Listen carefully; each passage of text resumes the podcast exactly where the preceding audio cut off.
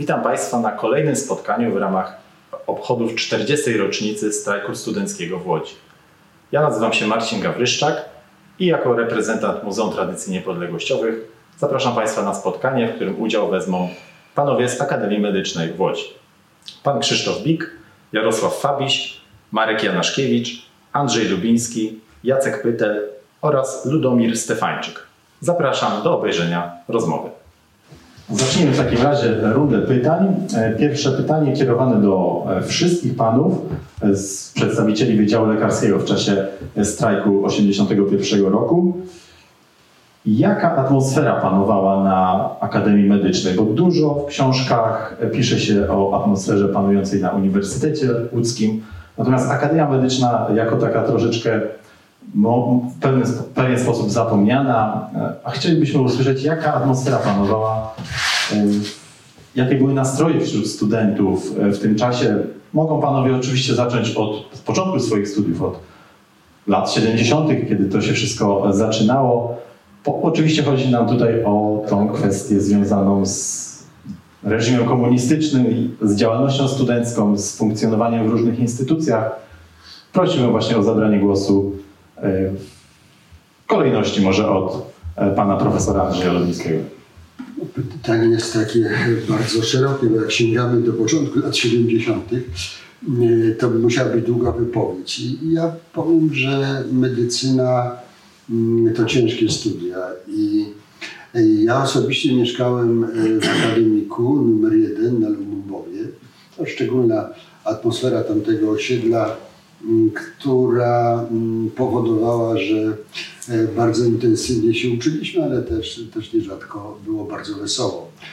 E, opresja e, i, i jakby te okoliczności, które przyszło nam studiować, czyli na początku takie lepsze lata schyłkowego socjalizmu, który potem przechodził swój najgorszy okres, to się zbiegało z końcem moich studiów to oczywiście wpływały bardzo na, na nastroje. Często rozmawiało się o wyjeździe z Polski.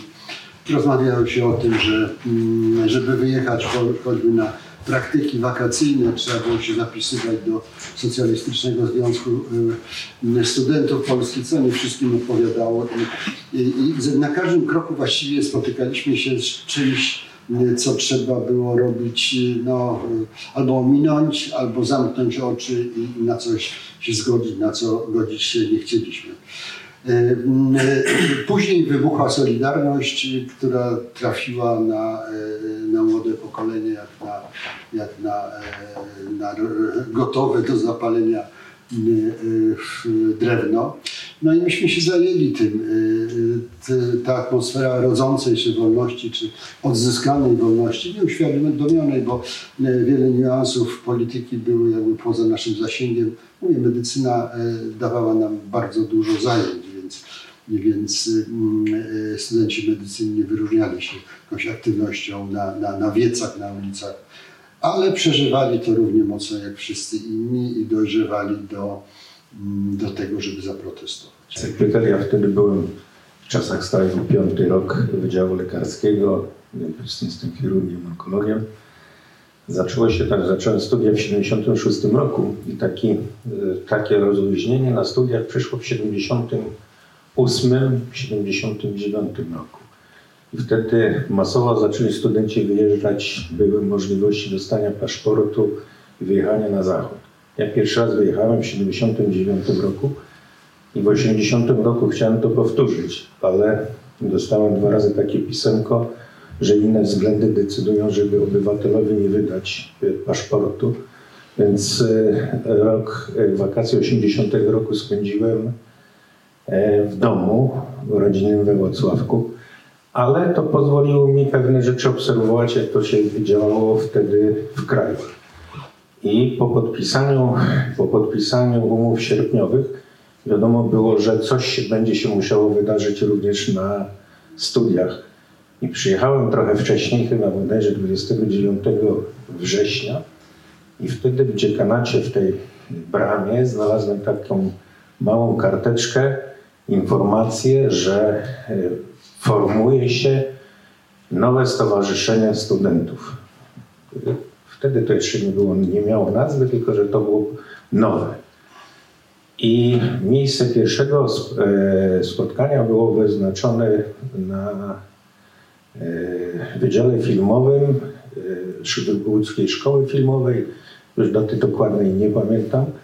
No ja tam się udałem i ku mojemu zaskoczeniu myślałem, że z Akademii Medycznej nikogo nie będzie, ale tu był kolega Marek i, i taka moja koleżanka z roku, e, Małgorzata Bernat, już niestety świętej pamięci.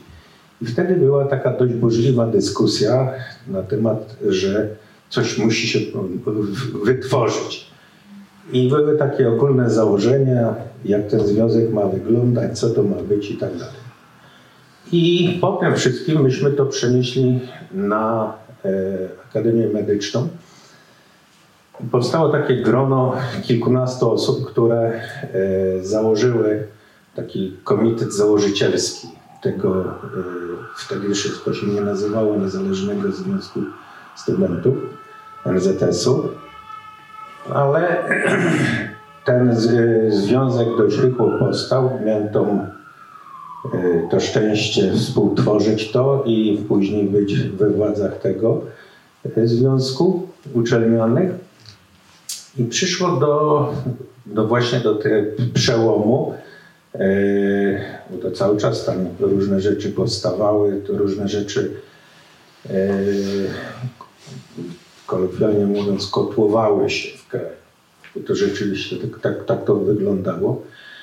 I wybuchł strajk na Wydziale Prawa i trzeba było się do tego ustosunkować. Myśmy zwołali zebranie słynnym anatomiku na Narutowicza 60. No, przyszło kilka, no, ze 3,5-4 setki y, osób. Wtedy powstała decyzja o strajku. Nie było to proste i nie było to takie jednoznaczne, jednogłośne. Bo każdy miał tam swoje za, swoje przeciw. W sumie najwięcej do stracenia mieli studenci młodszych lat, bo najwięcej ryzykowali. Dlatego, że były różnego rodzaju naciski ze strony kadry profesorskiej, to trzeba zaznaczyć, że to była sesja. Nie? W tym czasie to praktycznie zaczynała się sesja odnośnie egzaminów i e, różne, różne głosy docierały do tego, no ale decyzja powstała. W ten sposób zaistniał strajk. Krzysztof Bik. Byłem studentem czwartego roku Wydziału Lekarskiego w 1981 roku. Teraz jestem chirurgiem ortopedą. Yy, ja chciałem powiedzieć coś na temat tego takiego życia politycznego yy, na uczelni. Praktycznie rzecz biorąc, było ono zdominowane przez jedyną właściwą organizację, czyli przez SZSP, Socjalistyczny Związek Studentów Polskich, który powstał po Związku Studentów Polskich, który został zlikwidowany w 1968 roku. No teraz z tej perspektywy chyba widzimy, że ten 68 to wcale nie był tak bardzo daleko od tego czasu, kiedy my żeśmy zaczynali studia, czyli połowy tych lat 70.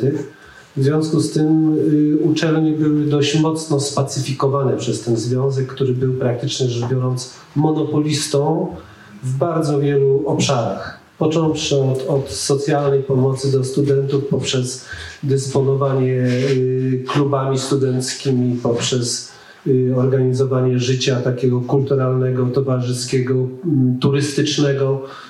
Trudno się było w ogóle, że tak powiem, wymknąć i znaleźć jakieś obszary, które nie podlegały tej organizacji.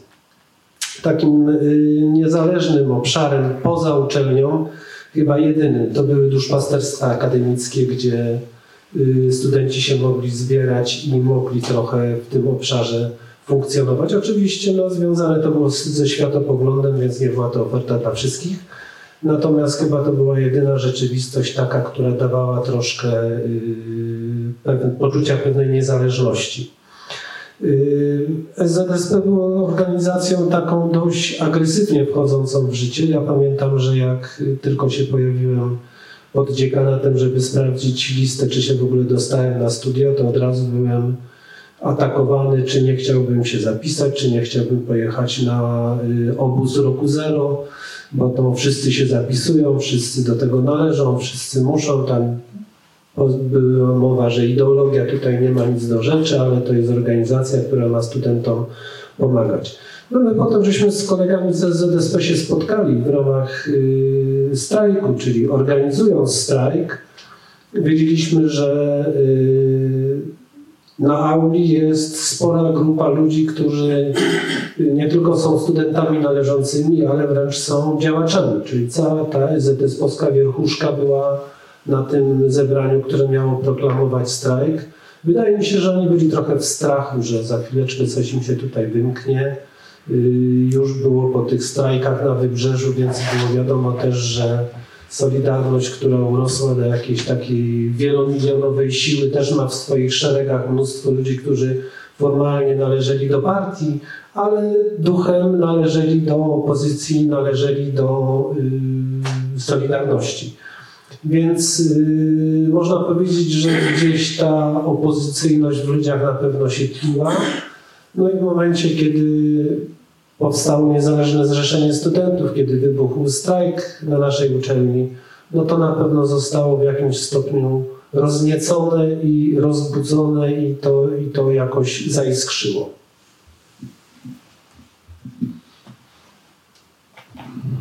Jarosław Babiś. Ja bym wrócił do ogólnego tła, jaki było wtedy w kraju. Tym tłem to było powstanie Niezależnego Związku Solidarność. I to jakby był pierwszy krok, kluczowy w ogóle w przemianach, jakie e, się dokonały. Dlatego, że część inteligencji, która oczywiście to inspirowała, e, nie miała żadnych szans na powodzenie jakiejkolwiek akcji protestacyjnej przez, bez udziału, nazwijmy to umownie, proletariatu, czyli bez udziału robotników, którzy albo klasy robotniczej, która stanowiła wtedy przewodnią siłę. I Powodzenie tego zrywu, powstanie ruchu Solidarność, było początkiem i dalszych e, przede wszystkim zachodzących świadomości pozostałych grup, w tym grup studenckich.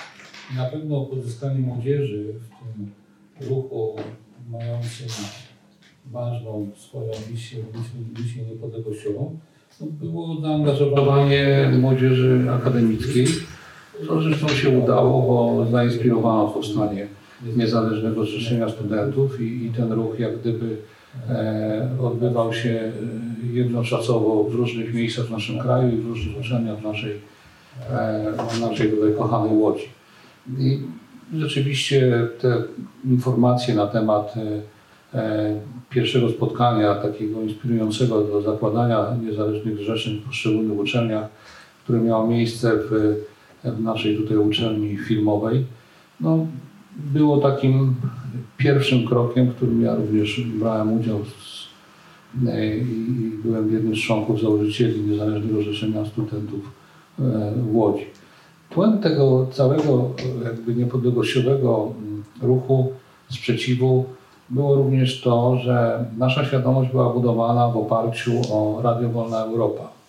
Informacje, jakie uzyskiwaliśmy na temat działania reżimu, na temat y, opresji w stosunku do wielu, wielu osób, y, fałszowania historii, no one pochodziły z Radia Wolna Europa, którego, którego przekaz dość mocno się przebijał, pomimo prób jego blokowania i prób e, zakłócania no, z osobistej takiej historii mogę powiedzieć, że mój dziadek e, słuchał tego Radia Wolna Europa, no, ponieważ był głuchy, wtedy jeszcze aparatów takich słuchowych nie było, więc jak jechałem do niego do Warszawy, to, to już na parterze słyszałem, że słucha tego Radia Wolna Europa, bo rzeczywiście bardzo głośno ono tam wybrzmiewało. Więc wracając do, do jeszcze tła samych strajków, to podłożem ich było mm, e, brak e, rejestracji Niezależnego Zrzeszenia, Ogólnopolskiego Niezależnego Zrzeszenia Studentów e, w Warszawie i w, w, w proteście przeciwko temu powstała pierwsza taka akcja protestacyjna na Uniwersytecie na Wydziale Prawa. Tam następnie powoli dołączały się do kolegów inne wydziały i pierwsze rozmowy z Ministerstwem Nauki, które miały miejsce 21 bodaj stycznia ale zakończyły się na samym dniu fiaskiem i wtedy kolega Palczak e, ogłosił z kolegami e, z Wydziału Prawa strajk okupacyjny i informacja o tym dotarła do nas i my jako ci członkowie, założyciele, grupa członków założycieli Niezależnego Zrzeszenia postanowiliśmy odpowiedzieć na, na ich apel i z, zorganizować takie wstępne spotkanie mające na celu e, rozpoczęcie strajku okupacyjnego w naszej uczelni. Emocje, jakie towarzyszyły, bo o to Pan pytał, to ja bym określił jako kluczową niepewność. E, niepewność dlatego, że mieliśmy większą lub mniejszą świadomość tego, jakie metody stosuje reżim, jakie mogą być tego konsekwencje, łącznie z tym, że mogliśmy nie ukończyć tych studiów e, i nasze życie mogło zupełnie inaczej się potoczyć. W tej chwili, patrząc z perspektywy czasu, e, to tym bardziej można przyjąć taką tezę, że rzeczywiście takie zagrożenie istniało, aczkolwiek może nie do końca je w pełni sobie uświadamialiśmy. I jakby takie poczucie intuicyjne e, bycia tu i teraz i, i wyrażenia swojego stosunku do rzeczywistości, do, do, do, do rządu, do tego, co się w kraju działo, no, miało się manifestować właśnie tym strajkiem. I stąd e, ludzie, którzy przyłączyli się, którzy przyszli na to spotkanie, chyba byli w tym przeświadczeniu jakimś intuicyjnym również przekonani co do tego, że należy tak postąpić i że to jest właściwa postawa wobec zaistniałej sytuacji. Niewątpliwie wspomniany wcześniej Związek Socjalistyczny Studentów Polskich to była moim zdaniem jedna z kluczowych albo niezwykle istotnych e, akcji tego związku, mająca wpływ na na powodzenie w ogóle całej akcji strajkowej, dlatego że przyłączenie się członków tego związku, ja przynajmniej interpretowałem jako, jako przejaw e, świadczący o zmianie świadomości rządzących, bo przecież Związek Socjalistyczny Studentów Polskich był agendą Polskiej Zjednoczonej Partii Robotniczej na zmianę i zmiany, które mają nadejść i jakby adaptowanie się do tych zmian e, z próbą podłączenia się, może to nie jest właściwe słowo, do tych zmian i skorzystania na tej fali zmian. I przyłączenie się ich do strajku oznaczało tylko tyle, że musieli dostać jakąś na to zgodę dużo wyżej niż tylko władze uczelni e, i że potencjalne konsekwencje dla studentów biorących udział e, w strajku no, mogą być minimalizowane albo całkowicie wyeliminowane. Marek Janaszkiewicz, w 1981 roku student drugiego roku Wydziału Karskiego, obecnie lekarz anestezjolog.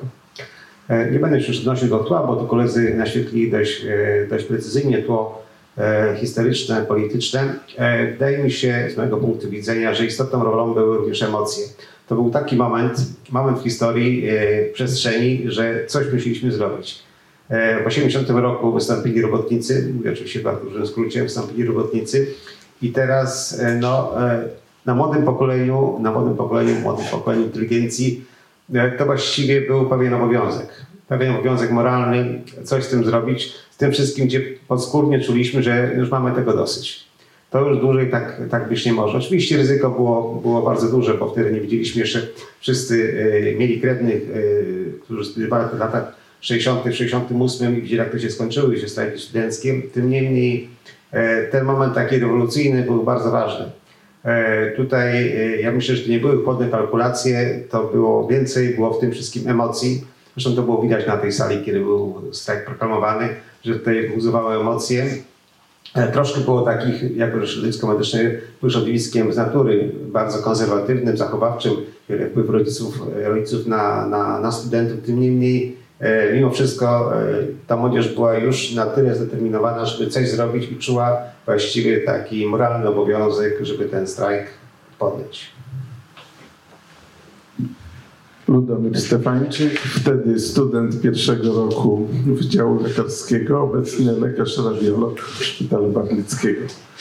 E, Wspomnieć należy także o tym, że tak naprawdę studiowanie na Akademii Medycznej było bardzo dużym wyzwaniem.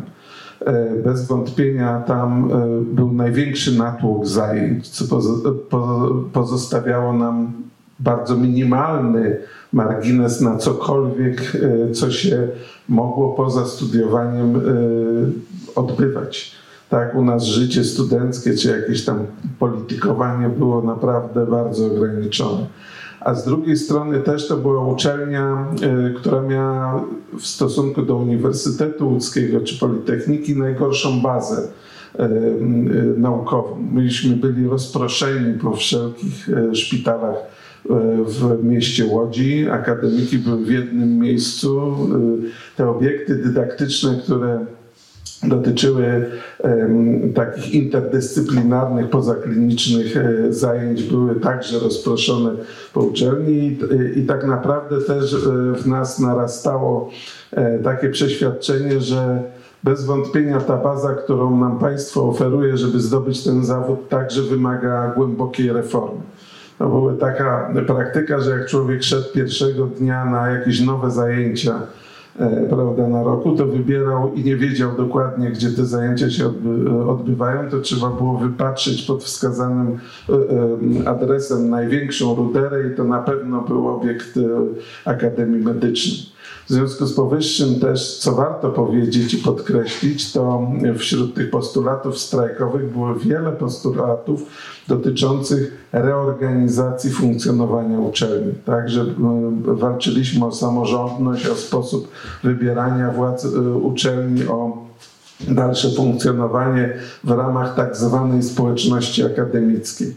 No i wreszcie, co warto też powiedzieć, że e, znajdowały się tam także postulaty, które e, były nakierowane na to, żeby e, ukończyć i wreszcie przenieść zajęcia do Centrum Kliniczno-Dydaktycznego, żeby ten komfort studiowania i te kwestie dotyczące bytowania studentów także uległy dramatycznej, no, dramatycznej poprawie, jakiejkolwiek poprawie. To też był ważny e, aspekt tego protestu, który oczywiście e, w sytuacji karnawału Solidarności pozwolił nam otworzyć usta i wyartykułować e, także żądania w tym obszarze. Bardzo dziękuję za zarysowanie tego tła, które poprzedzało strajk. I chciałbym przejść już bezpośrednio do samego strajku. Tutaj panowie już wspomnieli o tym, że 21 stycznia wybuchł strajk e, Uniwersytetu Łódzkiego i 23 dwa dni później Akademia Medyczna po tym słynnym spotkaniu w Kolegium Anatomicum dołączyła solidarnościowo. Chciałbym panów generalnie zapytać o s- samą formę organizacji strajku, bo wiadomo, że łatwo jest strajk ogłosić, natomiast trudniej jest w tym strajku wytrwać.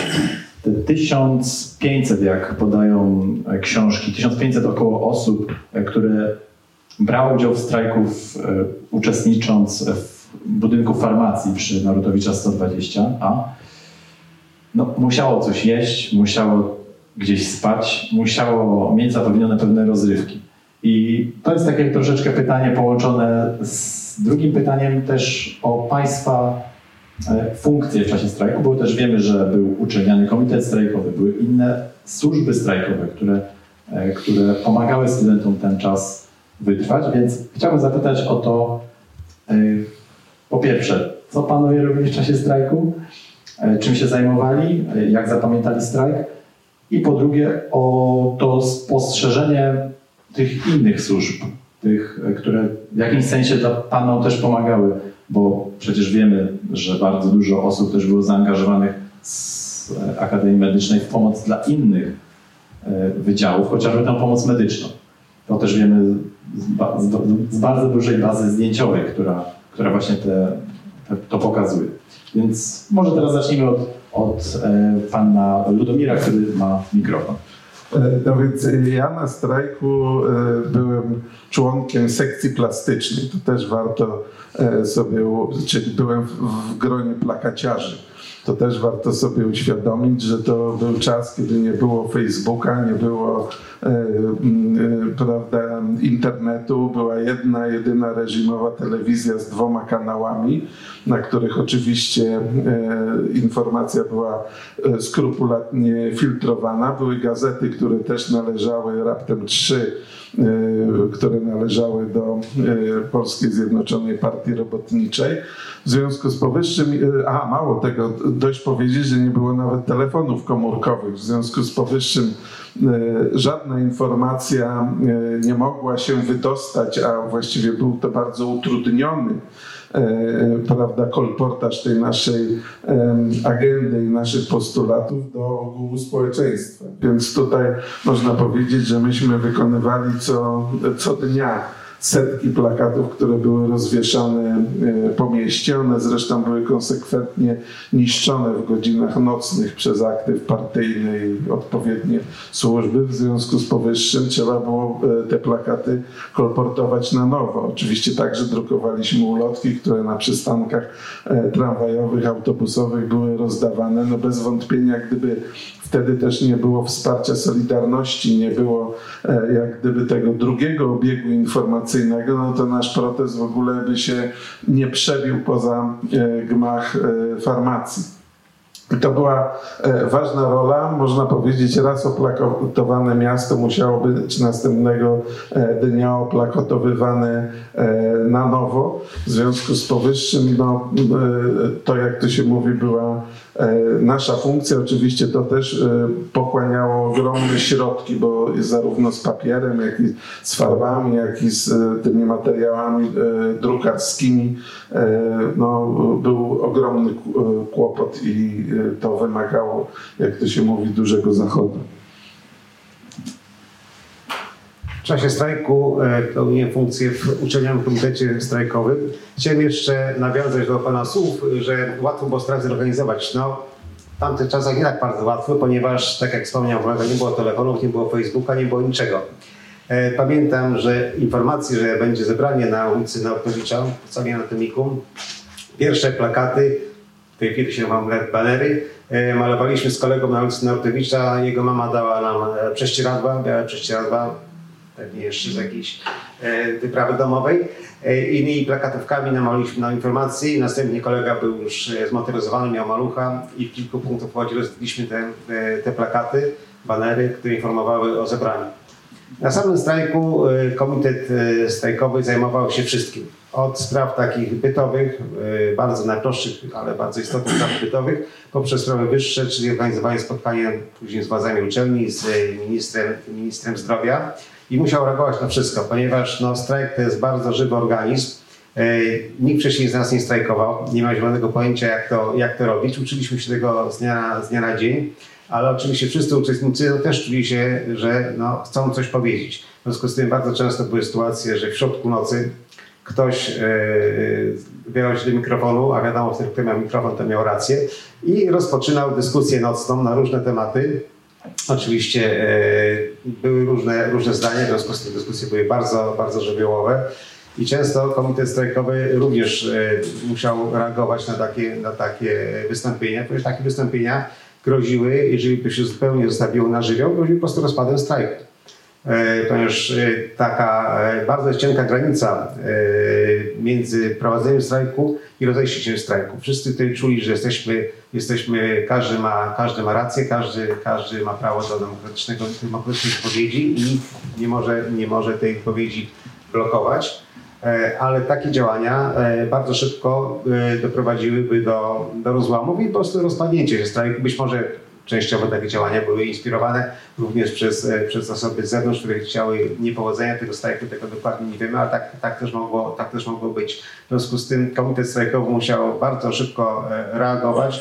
Musiał oczywiście słuchać, bo najważniejszy nie był komitet strajkowy, najważniejszy byli wszyscy strajkujący. W związku z tym te postulaty, które padały, nazwijmy to z sali od stron strajkujących, były brane bardzo poważnie pod uwagę i należało, należało się z nimi liczyć i oczywiście w miarę, e, w miarę możliwości e, do nich dostosowywać. E, I no, taka była główna rola, był, był podział, był podział e, w komitecie na osoby, które zajmowały się sprawami e, porządkowymi, sprawami e, przepustek, prawda? To było bardzo istotne. Żeby pilnowanie, żeby nikt nie dostał się na, na strajk. E, Bardzo o to, bardzo to dbaliśmy. E, Były sekcje, sekcje, które były odpowiedzialne za, za żywienie, za kierowanie tymi sekcjami żywieniowymi i w końcu osoby, które były wydelegowane do rozmów, e, do rozmów z przedstawicielami ówczesnych, ówczesnych władz. I taka była, mówię, oczywiście wszyscy się tego, tego uczyliśmy, nikt nie był tutaj mądry, nie, nie, nie mieliśmy, nie mieliśmy jakiegoś, e, jakiejś bazy e, przygotowania do tego. W trakcie, w trakcie strajku to się kształtowało. Mi się wydaje, że już tak po, po tygodniu, po tygodniu e, ta sytuacja strajkowa, która w początku była dość chaotyczna, została opanowana i dalej strajk stoczył się, jeżeli tak się może spokojnie, takim dość swoim, dość swoim spokojnym, spokojnym rytmem. E, Były zapewnione rozrywki, spotkania, spotkania z ciekawymi ludźmi, bardzo interesującymi ludźmi, e, wyświetlane filmy dzięki współpracy ze szkołą, ze szkołą filmową. Były również prowadzone wykłady. E, Niektórzy profesorowie prowadzili wykłady, aby, aby chociaż trochę mieć kontakt z nauką. Ja byłem również członkiem komitetu strajkowego. Z perspektywy czasu to mogę wyrazić nawet zdziwienie, że to wszystko jakoś udało się opanować e, w stopniu, który w tej chwili może na pewno, na pewno zdumiewa, że e, sprawy żywieniowe, e, czystość, sanitarne elementy i w jakimś reżimie utrzymanie wszystkich strajkujących, bo przychodzi taki moment zmęczenia, przychodzi moment dekoncentracji. No i z całą pewnością jakieś próby ewentualnie, chociaż ja ich nie dostrzegałem, próby być może torpedowania tych wszystkich naszych działań mogły się pojawić, ale osobiście ja tego tak nie odczuwałem. Na pewno młodzież była zaangażowana, przeżywała to wszystko i był taki ogólnie wyczuwalny w atmosferze e, powiew takiej ogólnej przyjaźni, e, poczucia tego, że, że trzeba wspólnie działać i, i, i wspólnie się wspierać. I ważnym elementem jest to, że też do nas docierały sygnały od pedagogów, e, od ludzi, którzy nas wspierali. Jednym z e, takich mm, ciał, które mm, w jakimś sensie komunikowało nas e, ze światem zewnętrznym i z pedagogami, no to była Solidarność uczelni. Koledzy nas tutaj odwiedzali. Odwiedzało nas wiele ważnych osób, które jakby moralnie wspierały nasze działania. Jedną z takich osób, która się pojawiła na strajku, to był e, Marek Ederman, jeden z, z osób, które, które inspirowały i przewodniczyły powstaniu w getcie warszawskim. On wielokrotnie nas też odwiedzał i wspominał o tym na takich spotkaniach, że cały czas jest inwigilowany i tam cały czas czuwają nad nim i żebyśmy się nie poddawali. E, No to były ważne takie e, elementy wsparcia, tym bardziej od osób z taką historią i z taką kartą w tej historii, jaką oni odegrali. E, Jeszcze raz bym powiedział, że teraz dopiero to pytanie, które Pan zadał, to mi uświadomiło, że tą część logistyczną, organizacyjną, to ja bym powiedział, że my żeśmy dźwignęli na piątkę. I że to tak nam wyszło, to naprawdę jestem w tej chwili szczerze mm, zdumiony po raz pierwszy. Wtedy bardziej myśleliśmy o sprawach duchowych, nawet nie, nie, nie dostrzegając tych elementów. Ale na pewno to, co wspomniał Marek, ta cała akcja y, tych przepustek, jeden z takich elementów, który bym wspomniał, osobiście mm, mm,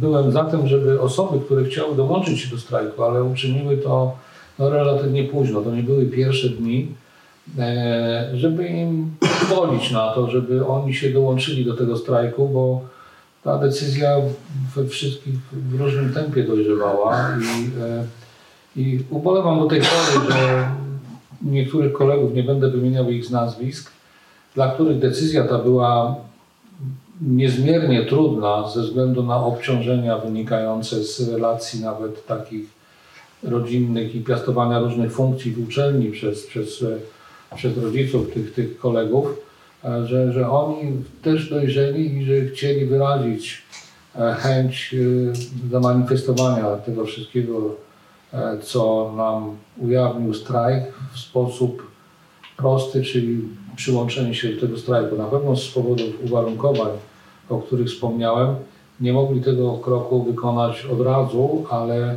po jakimś namyśle, po zastanowieniu, po zważeniu wszystkich argumentów i przede wszystkim e, z wejrzeniem we własne sumienie chcieli to zrobić, ale nie było im to dane. Ubolewam, że jednak nie udało mi się przekonać do tego, żeby tych ludzi jednak przyjąć i, i, i dać im taką szansę, żeby to przeżyli i zapamiętali do końca życia, bo to był ważny krok nawet być może trudniejszy niż ten, który my żeśmy mieli podjąć, podejmując decyzję o uczestnictwie w strajku. Ja byłem również członkiem komitetu strajkowego. Takim głównym motywem mojego funkcjonowania to były negocjacje na wielu szczeblach prowadzone, począwszy od płac uczelni, poprzez prezydenta miasta, skończywszy na ministrze zdrowia. Natomiast no, zanim żeśmy do tych negocjacji dojrzeli, to była kwestia y, rozniecenia tego całego pożaru strajkowego. Pamiętam jak y, w auli w Anatomikum żeśmy podjęli decyzję o tym, że strajkujemy, no i strajk okupacyjny, czyli wydawałoby się, że najlepiej to tutaj rozłożyć materace, usiąść na tej auli, no i okupujemy, tak? No, żeśmy sobie po pewnym czasie uświadomili, że tutaj obok w prosektorium leżą tacy, którzy już od kilkudziesięciu lat okupują ten, ten budynek, więc no nie bardzo to y, pasowało jedno do drugiego. No i też były burzliwe debaty w sumie, gdzie strajkować. Padały propozycje, że może okupacja dziekanatu, czyli budynku tutaj na rogu Kościuszki Narutowicza, no ale też nie za bardzo tam byśmy się byli w stanie zmieścić szpitale no, nie nadają się do tego, żeby to robić i na tym, tak szczerze mówiąc, baza się prawie, że skończyła. No, ktoś podpowiedział, że jest nowy budynek farmacji na Muszyńskiego, no i w konsekwencji, żeśmy tam się skierowali. Z tym, że pomiędzy Anatomikiem a Muszyńskiego no, to jest dobry kilometr, prawda? Więc no, jakoś trzeba się przemieścić, troszkę już z duszą na ramieniu, żeśmy postanowili, no to w takim razie nie idziemy pochodem wszyscy naraz, no tylko każdy po cichutku ma tam się przedostać i niejako musimy dokonać y, zajęcia tego budynku, no bo nikt tam nie zwoływał żadnego zebrania, tam nie odbyła się żadna proklamacja strajku, tylko po cichu o godzinie chyba to było, nie wiem, 19.20, czyli, czyli tak naprawdę to już ciemna noc. Trzeba było tego portiera zmusić do tego, żeby nas tam wpuścił, żebyśmy w ogóle byli w stanie się w tym budynku znaleźć, no bo to tak, to tak się proste dzisiaj może wydaje, ale to wcale takie proste nie było. No, ja mieszkałem niedaleko anatomiku, więc poleciałem do, do, do swojego domu, zabrałem jakieś piwo, jakieś podstawowe ubrania i stamtąd pojechałem y, na farmację, tak mówiąc y, potocznie. No i się okazało, że na tej farmacji jest kilkanaście osób raptem. Tam się przepychają z portierem, który broni dostępu w ogóle do tego budynku, jaki strajk, a kto tu ma strajkować, a on tutaj pilnuje i w ogóle nie ma mowy o tym, żeby jakiekolwiek strajki Dobrze, że. Nie no, wiesz. No ale jak się okazało, w ciągu, ja myślę sobie, kurczę, no tam żeśmy proklamowali w grupie kilkuset osób ten strajk, a tutaj raptem się okazuje, że wytrwało w tym strajku osób kilkanaście. No ale na szczęście okazało się, że większość ludzi pojechała do akademików. W tych akademikach y, pobrali jakieś swoje podstawowe do strajkowania przedmioty, zabrali materace, zabrali śpiwory. No i przez, że tak powiem, tereny tam, tak, wtedy były takie tam trochę pola jeszcze, nie? Teraz to jest zabudowane, ale przez pola ten tłum z tymi materacami ciągnął na tą farmację. No i stopniowo, stopniowo, jak ten tłum się zaczął gromadzić przed drzwiami, no to ten portier się zgodził, tym bardziej, że jeszcze ktoś zadzwonił do rektora. Rektor powiedział, że tak, wiadomo o co chodzi. Wpuścił nas, no i tak, i tak, że tak powiem, zaczął się cały strajk, tak? Stopniowo były zajmowane poszczególne pomieszczenia, aula, korytarze. Nie mieliśmy początkowo dostępu do pomieszczeń dydaktycznych, no bo ktoś tam ponosił odpowiedzialność materialną i to też była sprawa, która wymagała załatwienia, prawda? Ale stopniowo to się y, jakoś wszystko zorganizowało. No i ta baza na tej farmacji chyba taka zła do tego strajkowania nie było, bo były jakieś toalety, były jakieś, były jakieś prysznice, była jakaś stołówka, także, także dało się tam w gruncie rzeczy dość nieźle funkcjonować. Także tak od strony technicznej strajk. Teraz kwestia tych, tych negocjacji. Myślę, że to był dobry pomysł, że y, my żeśmy y, wpadli na taki koncept, że spróbujemy również i nasze branżowe sprawy trochę na tym strajku pozałatwiać. Dlatego, że to się odbywało w ten sposób, że y, sala posiedzeń Rady Wydziału Farmacji była obstawiona mikrofonami, były głośniki na zewnątrz i w całym budynku było słychać, co się dzieje. Czyli było, to obrady były przy otwartej kurtynie, jak żeśmy się spotykali z władzami uczelni, czy z prezydentem miasta, czy z ministrem.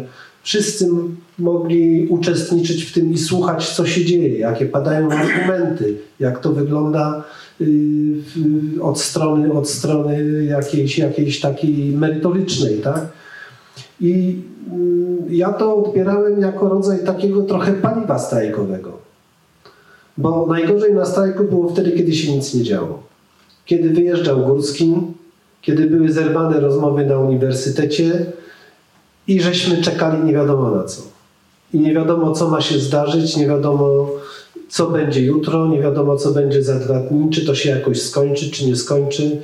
I yy, te momenty odbieram jako takie momenty na, najbardziej dramatyczne. Wtedy, kiedy żeśmy rozmawiali, kiedy żeśmy dyskutowali, podpisywali porozumienia, zrywali jakieś, jakieś obrady, kiedy ktoś przyjeżdżał, kiedy była jakaś dyskusja, nawet wtedy, kiedy, kiedy tam, tak jak Marek wspominał, ktoś tam w środku nocy dorywał się do mikrofonu i mówił, że on ma tego dosyć, idzie do domu i zaprasza, żeby inni szli z nim, to też, też był, było w tym życie, to się, to się gotowało wszystko, tak?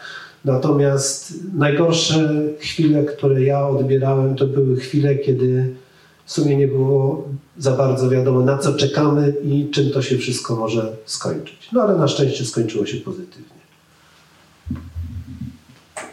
W czasie strajku byłem, w zasadzie byłem w komitecie strajkowym i e, miałem przepustkę na siebie, bo na ogół wszyscy mieli przepustki na dwie osoby z racji, z racji ilościowych możliwości przyjęcia przez budynek. Ale parę rzeczy, które musiałem zorganizować, to było po pierwsze taka, wystąpiliśmy do e, takiego znanego ojca jezuity, ojca Miecznikowskiego, objęci duchowej takiej opieki i byliśmy z tym piersi, i on się od razu zgodził. Także to jedno zostało zapewnione. Druga rzecz to były różnego rodzaju y, wykłady. Ten czas na strajku trzeba było w jakiś sposób zapewnić. No trzeba było porozmawiać z jedną, drugą, piątą osobą. W zasadzie nikt nie odmawiał, wszyscy przychodzili i nie było problemu żadnego. Ale jeszcze był taki mało znany epizod, mianowicie myśmy y, ze strajku wysłali emisariuszy do kilku uczelni w Polsce. Ja osobiście byłem w Warszawie, bo tam w Warszawie wybuchł strajk. No to znaczy w Akademii w gmachu przy ulicy Oczki, no ale oni tam skontaktowali się z nami, no ale coś trzeba tym studentom powiedzieć. Dlaczego, po co i, i jaki jest cel tego wszystkiego. Więc pamiętam, ja pojechałem do Warszawy, ale chyba jeszcze pojechał ktoś do Poznania. Paweł pojechał Grufinkiel do Wrocławia. Do Wrocławia i do Poznania chyba pojechał. I to były takie epizody, bo trzeba było tą ideę w jakiś sposób przekazać. I tam ja sobie to bardzo cenię, ten wtedy wyjazd do Warszawy, wtedy szefem tego strajku był e, Konstanty Radziwim ale miałem możliwość, miałem możliwość poznania kabaretu 60 minut na godzinę, tak bezpośrednio, co było dla mnie wielkim takim szczęściem, bo artyści e, również nas wspomagali i, i tym, co mogli, czyli jakąś taką sztuką no, bardzo ciekawą, e, za, zabawiali młodzież.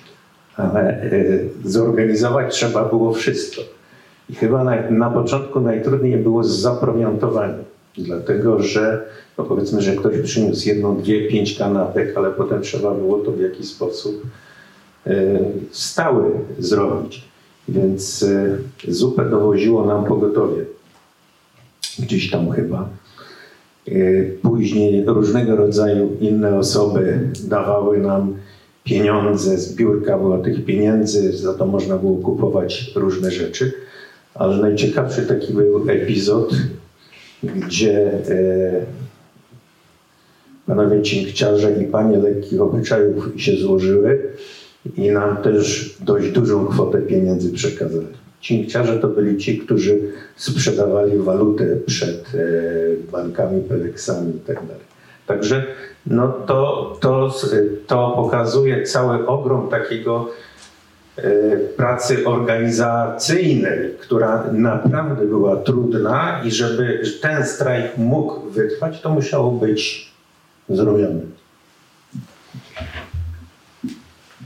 Ja zajmowałem się tym, e, co, e, co Krzysiu określił jako najgorsze. Jak była cisza w eterze e, i, i, był, i było, i było strasznie, że ma się ten strajk skończyć, no to istniała taka grupa, w której ja no, brałem udział.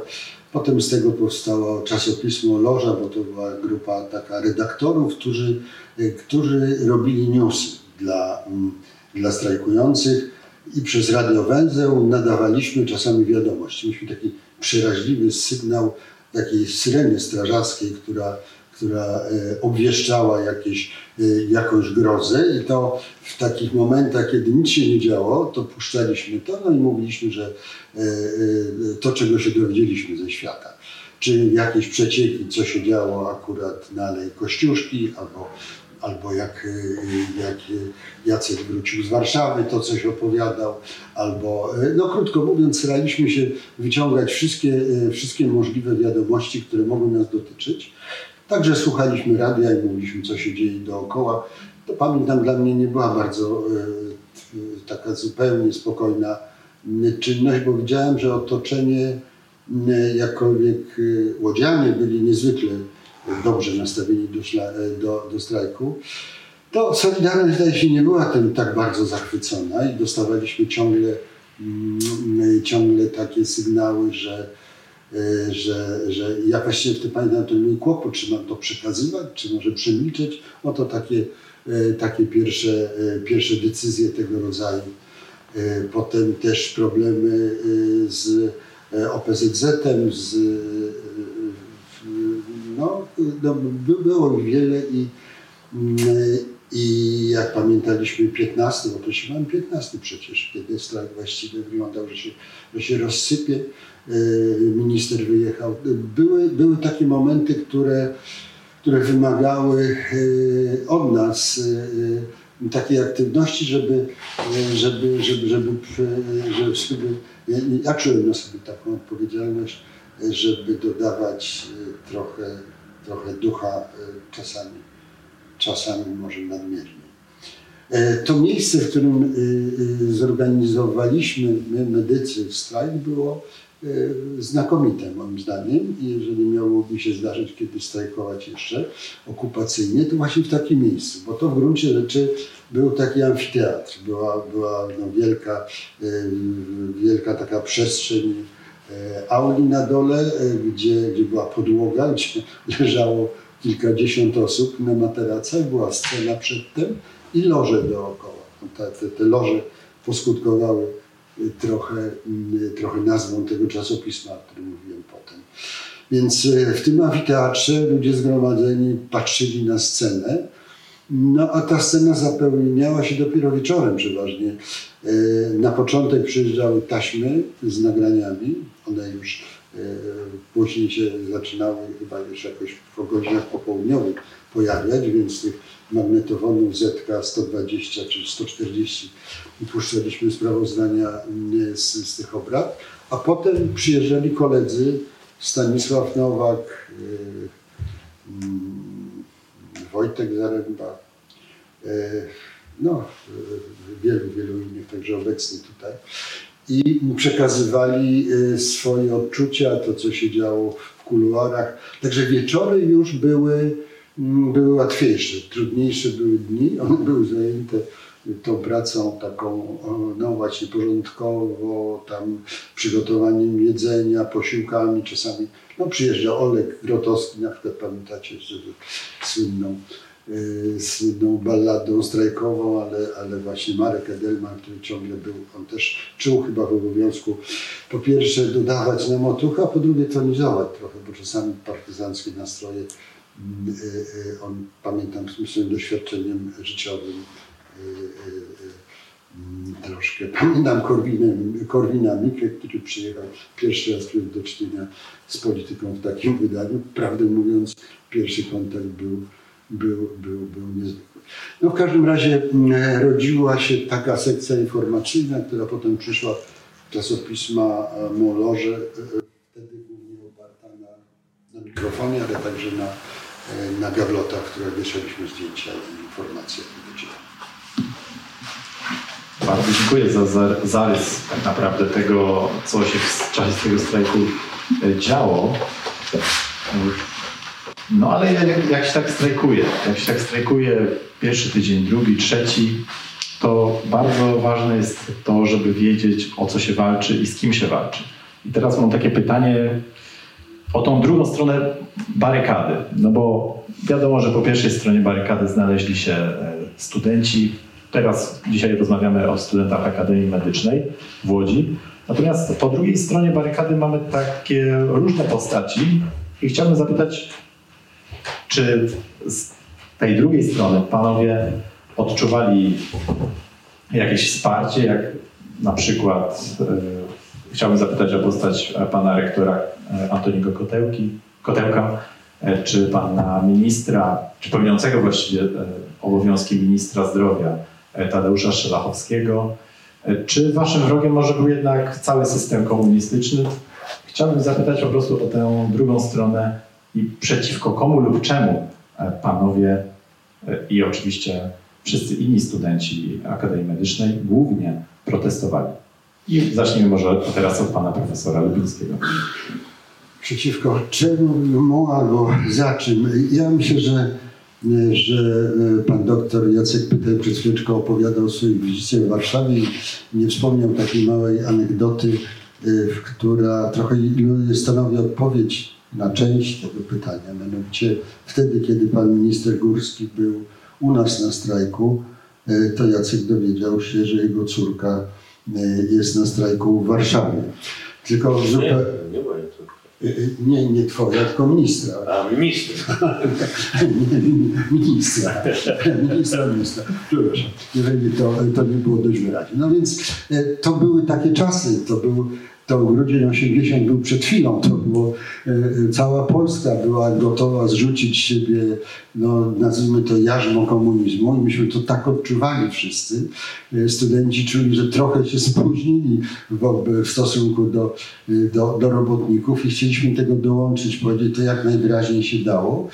No więc tego komunizmu nienawidzieliśmy, tego wszystkiego, z czym on się wiązał, także tego niedostatku, tego, tej zależności, tego braku przejrzystości wszystkiego w zasadzie życia politycznego, społecznego, monopolu informacji. To wszystko chcieliśmy zamienić na coś, co wydawało nam się wtedy trochę chyba idealizowaliśmy Zachód, ale, ale my marzyliśmy o tym, żeby Polska była normalnym, demokratycznym krajem, e, takich, jakich e, część nas zdążyła wtedy, wtedy zobaczyć. E, a wszystko, co było pomiędzy, tego się uczyliśmy, bo, bo, bo mam wrażenie, że większość uczestników strajku, wchodząc tam, nie miała dobrej wizji tego, jak mają wyglądać dokumenty końcowe. Chcieliśmy, żeby komu mu nie było, żeby, żeby była demokracja, żeby nasze uniwersytety były takie jak uniwersytety na Zachodzie, mm, rządzone w sposób przejrzysty i mm, no i taki, żeby, żeby, żeby dawały mm, dobre warunki do studiowania i pracy gdziekolwiek na świecie. E, takie mieliśmy marzenia i i z takimi myślami weszliśmy y, na, na strajk. Wyszliśmy troszkę mądrzejsi, bośmy się już na, na, nauczyli negocjować. To była też wielka szkoła negocjacji. Muszę powiedzieć, że władze dawały z sobą rozmawiać, tak bym powiedział. Pan minister Górski, minister Szyrakowski, nasz pan rektor, no, który wręcz no, popierał strajk, przecież nie jest Pamiętam w tym raporcie, który mamy od, od tajnego współpracownika, jest donos na, na rektora, że wpłacił 1000 zł na komitet strajkowy. Więc to takie, takie były podstawy. Myśmy się bali przede wszystkim policji tego, że komuś coś odbije, takie w 1968 roku, że, że Rosjanie ciągły był, był taki taki, to zdanie wejdą, nie wejdą. E, no i, i, i, i to był problem. Ten, ta, ta groza wisiała troszkę dalej, bo w pobliżu mieliśmy, mieliśmy wielu przyjaznych ludzi, którzy marzyli o tym samym w gruncie rzeczy. Czy rzeczywiście wtedy e, myśmy, powiedzmy, poglądy niektórych profesorów kadry nauczającej znali, ale nie wszystkich. I wtedy się okazywało, kto był kim. I ku, me, moim, ku, memu zaskoczeniu bardzo na pozytywnie się zaskoczyłem tym, że pan rektor tak bardzo przychylnie e, w zasadzie wspierał ten strajk. On, on ryzykował. Ryzykował bardzo dużo, bo to przecież był dyrektor wybrany, e, mianowany przez władze partyjne i tak dalej, bo wtedy nie było innej możliwości. Wielu profesorów y, później jawnie wspierało tak samo ten, ten strajk.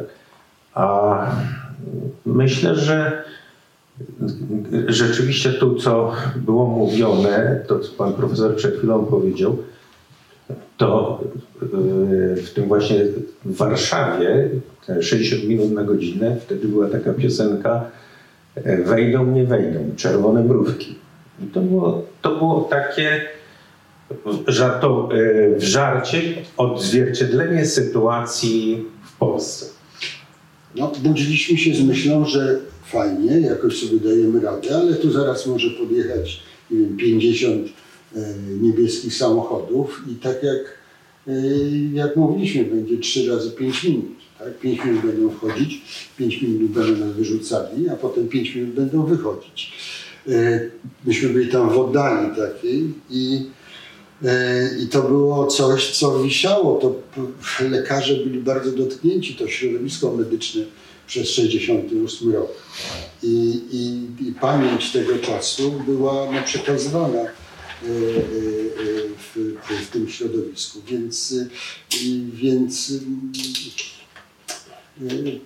ten, ten strach, on nam towarzyszył przez cały czas.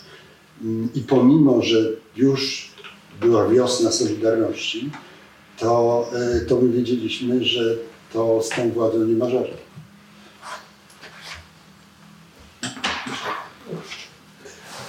Yy, tak.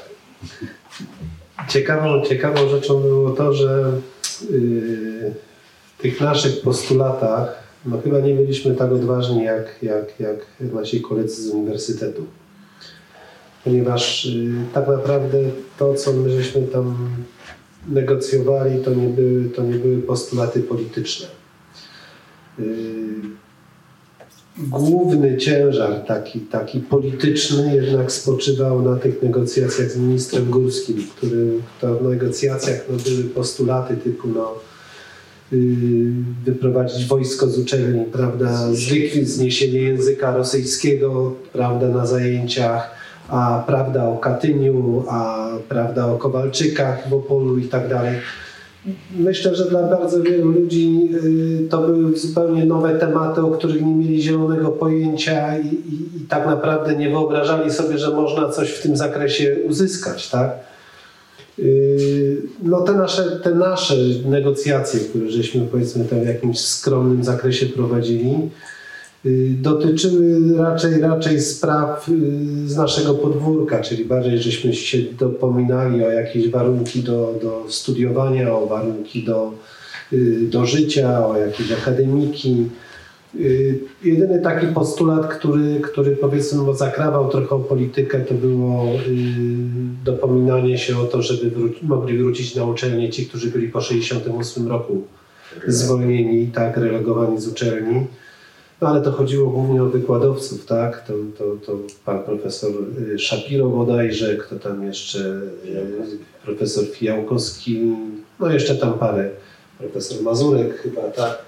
Tam pamiętam, że, że, że właśnie Marek Edelman przyniósł listę tych osób, które były wyrzucone z uczelni i jednocześnie w czasie negocjacji rektor Kotełko w ogóle bez zmrużenia oka, tak, oczywiście mogą wrócić, jeżeli tylko chcą, to znajdziemy dla nich miejsce i mogą z powrotem y, znaleźć się y, na uczelni, mogą być dalej pracownikami naukowymi. Natomiast taką ciekawą rzeczą było to, że jak żeśmy zaczęli te negocjacje od takiego niskiego szczebla, no bo najpierw żeśmy się z władzami uczelni spotkali, tak? No bo tu różne bolączki mamy. No to żeśmy z nimi sobie tam porozmawiali, bardzo dobra, fajna atmosfera. Oczywiście bardzo oficjalna, nie, nie było tutaj niczego takiego jakiegoś yy, w sensie poklepywania, prawda, po ramieniu, po dwóch stronach stołu, mikrofony, pytania, odpowiedzi przy nagłośnionej auli. No i oczywiście po tym wszystkim na wszystko się zgadzają, ale mówią, no kochani, ale bardzo wiele rzeczy nie zależy od nas. To tutaj trzeba wyżej, tak? No i no wyżej, to znaczy co wyżej? No wyżej, no to władze miasta. No chcecie, chcecie, żeby były szpitale, żeby budować CKD, żeby tutaj bazę poszerzać, no to trzeba negocjować z prezydentem miasta, z pierwszym sekretarzem, tak, żeby, bo on ma w ręku przedsiębiorstwa, które tutaj mają moce w tym zakresie. No to stąd pojawił się pomysł, żeby negocjować z panem ministrem Niewiadomskim. No i żeśmy przygotowali te postulaty, przyjechał pan y, prezydent Niewiadomski, tak, no i też oczywiście rozmowy przy otwartej kurtynie, no ale pan prezydent Niewiadomski, a co ja w ogóle mogę? Ja tutaj mogę drobne sprawy wam pozałatwiać. Wy musicie wyżej. No więc kolejny krok i tutaj do Ministerstwa Zdrowia. No minister zdrowia też przyjechał i mówi, ja też proszę bardzo, wszystko co tylko chcecie, ale ja też już wszystkiego nie mogę. No i tutaj no, skończyły się nasze, nasze możliwości. Natomiast yy, chcę podkreślić jeszcze jeden element. Yy, pojawił się w pewnym momencie pewien problem, że my sobie na Akademii robimy takie swoje negocjacje. Żeśmy wynegocjowali jakieś porozumienia, no i teraz co dalej? Czy aby przypadkiem nie doprowadzimy teraz do sytuacji takiej, że studenci Akademii stracą motyw strajkowania, tak? No bo żeśmy nasze sprawy pozałatwiali, a y, strajk generalnie rzecz biorąc trwa, bo rozmowy z ministrem Górskim trwają. No i tutaj y, żeśmy w porozumieniu, które żeśmy podpisali z panem ministrem Szelachowskim, zawarli y, jak gdyby w preambule tego porozumienia, że to, że negocjujemy z ministrem zdrowia, nie znaczy, że wycofujemy się z negocjacji, które są prowadzone na uniwersytecie i że tamte postulaty, postulaty ogólnospołeczne, pozostają w dalszym ciągu ważnym motywem naszego strajkowania. I jeżeli nawet dojdzie do podpisania porozumienia z ministrem zdrowia, nie znaczy to, że my kończymy strajk i że nie mamy powodu do naszego strajkowania. Strajkujemy nadal, żeby również i wspierać kolegów, którzy negocjują tamte inne postulaty. Też o troszkę inne jakby wspomnienia i, i refleksje dotyczące tego okresu i negocjacji ze stroną rządową, z władzami uczelni. Otóż e, patrząc tak historycznie, żeby strajk się powiódł, a tych e, jakby ruchów, e, zrywów e, narodowościowych, no mieliśmy wiele, chociażby powstanie listopadowe, styczniowe, one się nie powiodły. No nasz skromny protest, on się powiódł. E, moja refleksja jest taka, że on się nie powiódł dlatego, że my byliśmy wyjątkowi, tylko dlatego, że byliśmy we właściwym czasie i momencie. W momencie, w którym władza mm, jakby poczuła swoją słabość. Bo gdyby była zupełnie inna e, sytuacja, gdyby nie było Solidarności, nikt by z nami nie rozmawiał, nikt by do nas nie przyjechał i prawdopodobnie strajk byłby e, skazany na niepowodzenie.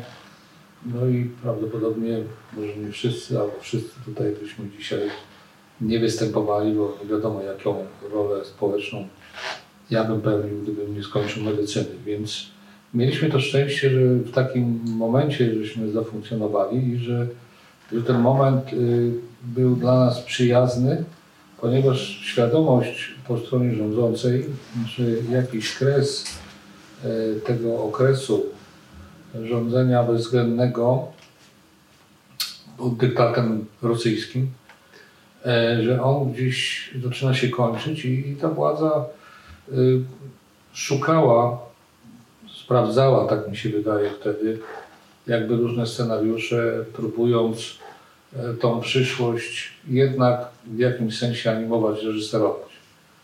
Niewątpliwie ruch robotniczy, niewątpliwie to, co się działo po stronie studenckiej, miało istotne znaczenie, ale ja mam w tej chwili takie głębokie przekonanie, że może nawet nie tyle, co był on sterowany, co jednak był w jakiś sposób wykorzystany ten naturalny zryw y, i, i ta wola walki została w jakiś sposób y, wykorzystana po to, żeby miękko wylądować w przyszłości, bo jednak to lądowanie było miękkie, nikomu się specjalna krzywda nie stała, y, a jednocześnie my wygraliśmy to, co nam się wydało dla nas w danym momencie niezwykle istotne jako kraj, jako każdy z nas indywidualnie.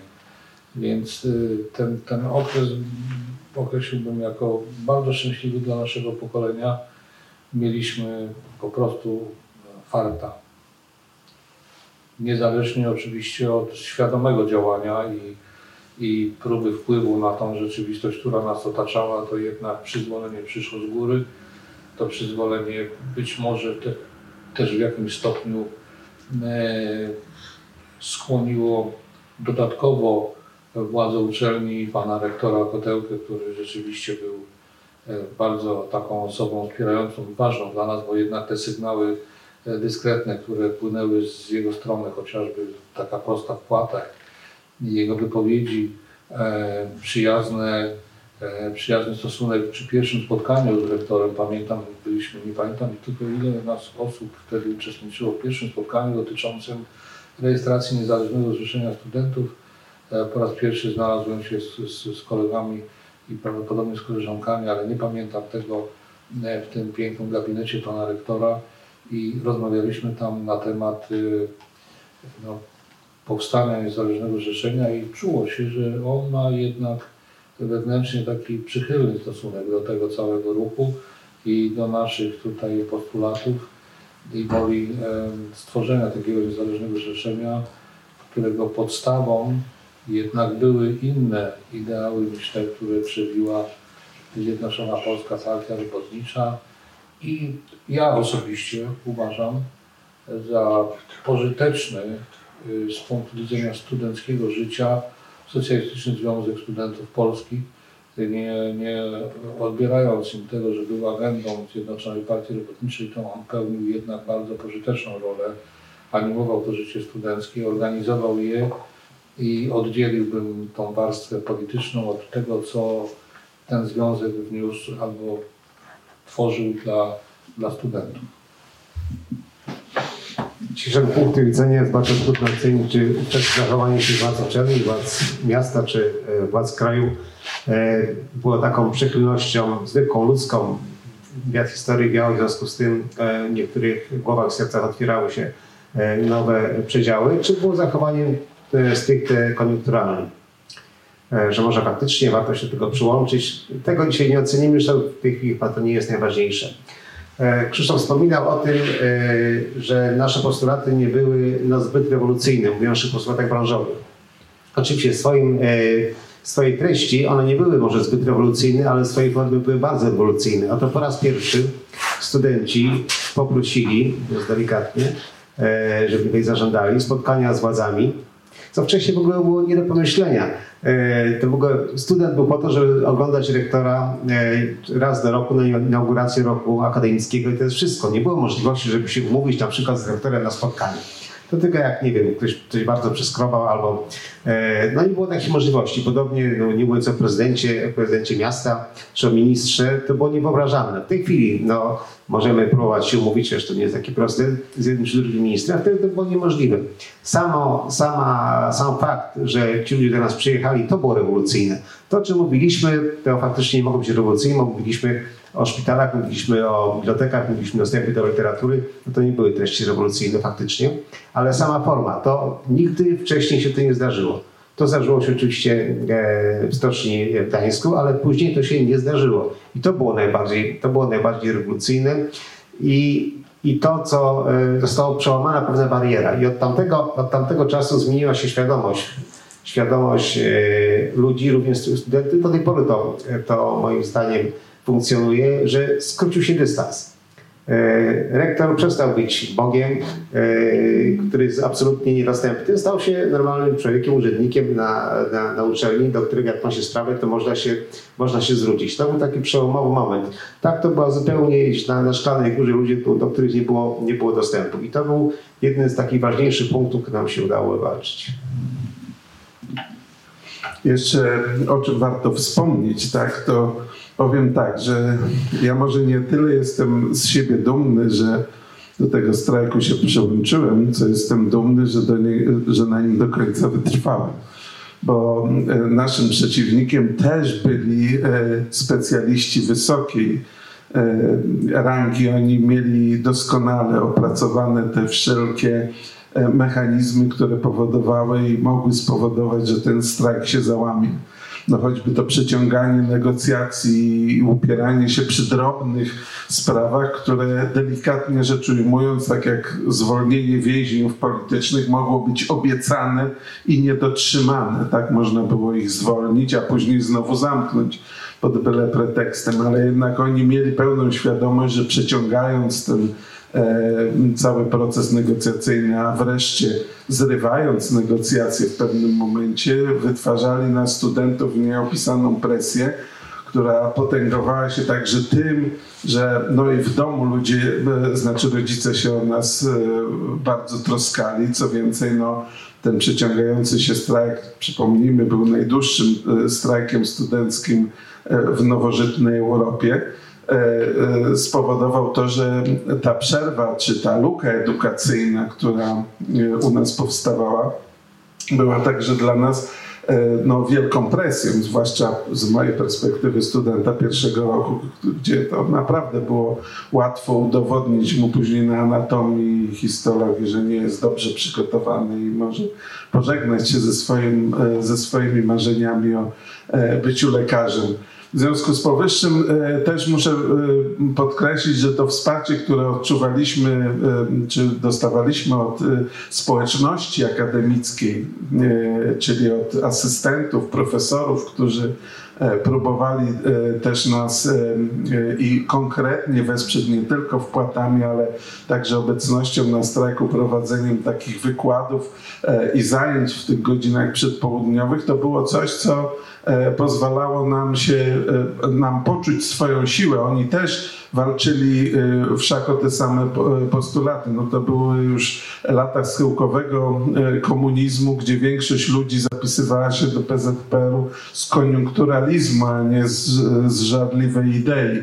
I też powiem, że tak, to był czas, kiedy myśmy się dokładnie wpasowali w wiatr historii i to było źródło powodzenia naszego protestu i podpisania tych porozumień, które jakoś tam uczelnie zmieniły, ale także wykuły tą społeczność akademicką, o czym Marek e, opowiadał. To już był e, prawda, partnerski układ, kiedy studenci, asystenci inni pracownicy E, i władze uczelni zaczęły ze sobą dyskutować i no, modyfikować ten proces kształcenia. No ja bym się zgodził z tym, co pan właśnie, pan Jarosław powiedział, że w jakimś sensie o powodzeniu decydowały okoliczności, czyli no, studenci mieli trochę takiego przysłowiowego farta, ale dodałbym jednak, że często jest tak, że w tym dobrym miejscu i w tym dobrym czasie też trzeba umieć się odnaleźć i bez bez takiego państwa zaangażowania, o tym, o czym też, o co, co też pytałem, czyli o te służby strajkowe. E, no jednak bardzo, bardzo ciężko ten strajk e, po prostu wygrać. Natomiast Pan Budomir wspomniał o porozumieniu i o to porozumienie na koniec właśnie chciałbym zapytać. O to porozumienie z 18 lutego, czyli to porozumienie ogólno, powiedzmy ogólnopolskie tak naprawdę. Ono dotyczyło wszystkich uczelni wyższych w całej Polsce. To też warto podkreślać, że strajk, o którym mówimy, to był strajk tak naprawdę ogólnopolski. Oczywiście rozgrywał się w Łodzi, ale jednak miał charakter ogólnopolski. I pytanie może takie dosyć oczywiste, dosyć proste, ale chciałbym zapytać o to, który z punktów tego porozumienia, czy który postulat wynegocjowany w tym porozumieniu był dla Panów osobiście najistotniejszy i poproszę o odpowiedź Pana Ludomira. No, myślę, że jednak wszyscy najbardziej e, liczyli, u, uznawali ten nasz sukces w, w postaci obietnicy rejestracji NZS-u. Tak, to znaczy e, myśmy odczuwali wtedy, że to będzie gwarancją e, spełnienia pozostałych postulatów. Dla nas NZS był czymś, czym e, dla robotników związków zawodowych była solidarność, prawda? Czyli jednym słowem tym, wiedzieliśmy, że wiele tych postulatów, proces, procesów, które za tym mają iść, nie są kwestią jednego podpisu. W związku z powyższym, jak gdyby budowanie zarówno tej samorządności uczelni, jak i pewne zorganizowanie studentów, które pozwoli utrzymać ten wpływ na bieg rzeczy, to jest coś, co gwarantuje nam, że to się nie skończy jednym podpisanym dokumentem. Ja sparafrazuję tutaj trochę słowa Wałęsy. Mamy niezależny samorządny związek studencki. To było zdecydowanie najważniejsze. To był początek, to była geneza całego, e, całego strajku, rejestracja Niezależnego Zrzeszenia Studentów, ale ja bym spojrzał na to w kontekście, nie dzieląc e, tych wszystkich postulatów na mniej i bardziej ważne. Ja, ja to postrzegam jako takie ogólne zwycięstwo, e, które, które dawało nadzieję na, na zmianę. Jednym z tych elementów oczywiście była rejestracja Niezależnego Zrzeszenia Studentów, ale miałem poczucie tego, że, że my jako związek, jako Niezależne Zrzeszenie e, sami zmian w kraju nie dokonamy, że to potrzebne są e, inne siły, właśnie te siły, które by ogniskowały się wokół, wokół Solidarności i wokół mm, Lecha Wałęsy, który różnie jest oceniany, ale chciałbym wyrazić swoją opinię na jego temat. Nie podlega dyskusji, że był w jakiś sposób uwikłany y, w, w grę ze służbą bezpieczeństwa. Jednak to dla mnie nie ma żadnego znaczenia w tej chwili, dlatego że bez jego osoby, która była w tym czasie potrzebna, osoby z charyzmą, osoby, która by pociągnęła za sobą e, ludzi i przede wszystkim tą siłę, która mogła dokonać tej zmiany, czyli no, nazwijmy to cały czas umownie, wrócę do tego słowa proletariat, e, to nie byłoby tego wszystkiego, co się wydarzyło. I ubolewam nad tym, że on sam się do tego nie przyznał, a nawet jeżeli się do tego nie przyznał, to że nie dano mu spokoju. Że nie powiedziano, ok, nie przyznaje się człowiek, zrobił jakieś tam ogólnie krzywdy, ale bez jego e, osoby, e, bez tego, co on e, sobą prezentując, czyli tą charyzmatyczną jakby atmosferę rozsiewając wokół siebie, nie byłoby tego wszystkiego, co dalej nastąpiło. Więc mając świadomość zwycięstwa, tego, że władze, które z nami negocjowały, nie mogły nagle bardzo łatwo oddać pola i po jednym, dwóch dni podpisać z nami umowy i na wszystko się godzić, bo to by traciło wiarygodność nie tylko w naszych oczach, ale i wszystkich obserwatorów tego procesu, że to, to było bardzo istotne i to był zalążek tego, co chcieliśmy, żeby, żeby nastąpiło, e, tego lepszego czasu dla kraju, dla nas wszystkich e, i dla następnych pokoleń. Takie dwa aspekty. Pierwsza sprawa to yy, przez trzy tygodnie wałkowana była kwestia prawdy, kwestia wolności, kwestia tego, że się czujemy Polakami, że jesteśmy u siebie w domu. W różnych postulatach i w różnych momentach.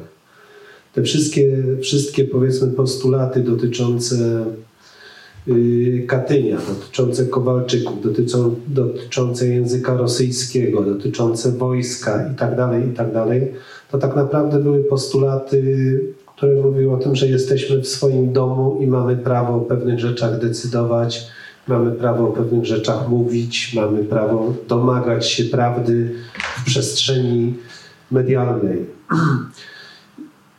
Tak na dobrą sprawę pewne rzeczy wypłynęły dopiero na stajku studentów. O wielu sprawach nie było mowy w Gdańsku, nie było mowy w postulatach robotniczych y, i, i, i takie, takie bardzo drażliwe tematy pojawiły się dopiero w Łodzi. Tak? Niektórzy, niektórzy próbowali z tym dyskutować, niektórzy byli bardzo niezadowoleni, że to Łódź jest tym miastem, w którym to wypłynęło na wierzch, zamiast wypłynąć w Warszawie. Także myślę, że tutaj trudno mówić o tym, że byliśmy zadowoleni z jakiegoś jednego aspektu. Sądzę, że był to taki posiew wolności, który u bardzo wielu ludzi został w głowach i został na długo i nawet stan wojenny tego nie przygłuszył, tylko to w dalszym ciągu żyło i mam nadzieję, że żyje w naszych głowach po dzień dzisiejszy. Natomiast praktycznie największą zdobyczą y, tego strajku to była autonomia uczelni. W ciągu pół roku od strajku jedyna rzecz taka poważna, która się dokonała, to było no, rewolucja na wyższych uczelniach, wybory władz studenci, pracownicy naukowi różnych szczebli wybierali rektora, wybierali dziekana, wybierali prodziekanów. Y, to było coś nieprawdopodobnego, bo do tego momentu, czyli do strajku studenckiego, o stanowisku ordynatora decydował pierwszy sekretarz Komitetu Wojewódzkiego. Ordynatora, czyli zupełnie, tak patrząc w porównaniu z rektorem, z profesorem, to zupełnie no, takie pierwsze stanowisko kierownicze w służbie zdrowia. I decyzja była w KW. A co mówić o tych wszystkich y, stanowiskach y, znacznie wyższego szczebla? I strajk studencki doprowadził do tego, że ciągu pół roku my żeśmy wybierali rektora, że pierwszy z wolnych wyborów rektor pan profesor Woźniak, y, dziekan na wydziale, prawda, czyli, czyli pan y, profesor Berner, to byli wybrani przez nas przedstawiciele, ludzie o, o, o znanych y, poglądach, ludzie, którzy byli dla nas autorytetem. I to była moim zdaniem taka najbardziej rewolucyjna przemiana, która była zdobyczą strajku i która została po dzień dzisiejszy.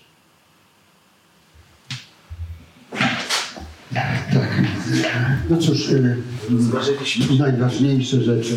Cóż, rejestracja NZS. Oczywiście to był symbol możliwości tworzenia tego, co dzisiaj nazywamy społeczeństwem obywatelskim, czyli zgoda na to, żebyśmy się organizowali.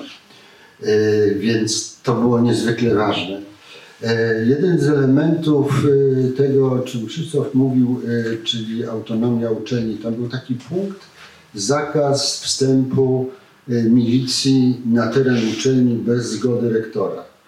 E, pamiętacie, ten punkt odżył niedawno znowu e, w takim całkiem współczesnym kontekście, ale wtedy został sformułowany i, i zaakceptowany, czyli uczelnia jako troszkę eksterytorialne miejsce, która sama się organizuje, której zadaniem jest nie tylko uczyć i pomnażać wiedzę, ale też tworzyć szkołę demokracji. I więc te wybory do poszczególnych ciał, y, parytety, które zostały uzgodnione wtedy, one mm, dawały szansę na, mm, na dyskusję, na, no, bo, bo uczelnie z definicji powinny być miejscem wymiany myśli, y, y, taką kuźnią demokracji i, i rzeczywiście nimi były.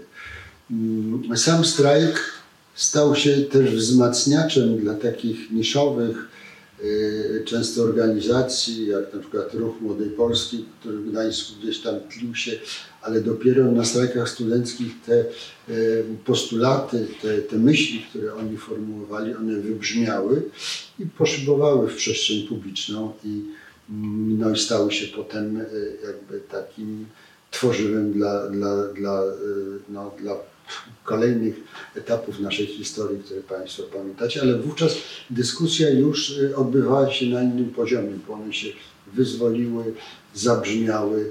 Y, Wiele osób, które nie miało żadnych szans, żeby się z nimi zetknąć, nie tylko je poznały, ale też przedyskutowały mm, w czasie tego, y, tego, tego długiego strajku. Ale dla mnie osobiście ten punkt, który mam nadzieję y, będzie trwał, zakaz wstępu mm, y, sił no, policyjnych bez zgody rektora na teren uczelni, to jest jeden z fundamentów y, demokracji i, i, i ustroju uczelni. Oby został na zawsze. Panowie, bardzo dziękuję za to ponadgodzinne spotkanie, za ten poświęcony czas. Myślę, że przekazali Panowie bardzo dużą wiedzę naszym e, widzom, słuchaczom na temat e, strajku studenckiego. Ja kończąc powiem, że o sile czy skali tego strajku świadczy też fakt, że w dokumentach Ministerstwa Spraw Wewnętrznych pojawia się on jako jeden z dziesięciu powodów, dla których władza zdecydowała się wprowadzić stan wojenny w grudniu 1981 roku. Więc no cóż mogę powiedzieć? Dziękuję w imieniu, w imieniu swoim i Muzeum Tradycji Niepodległościowych za, za to spotkanie, za, to, za tę wiedzę i mam nadzieję, że do zobaczenia w kolejnych projektach wspólnych z muzeum. Dziękuję.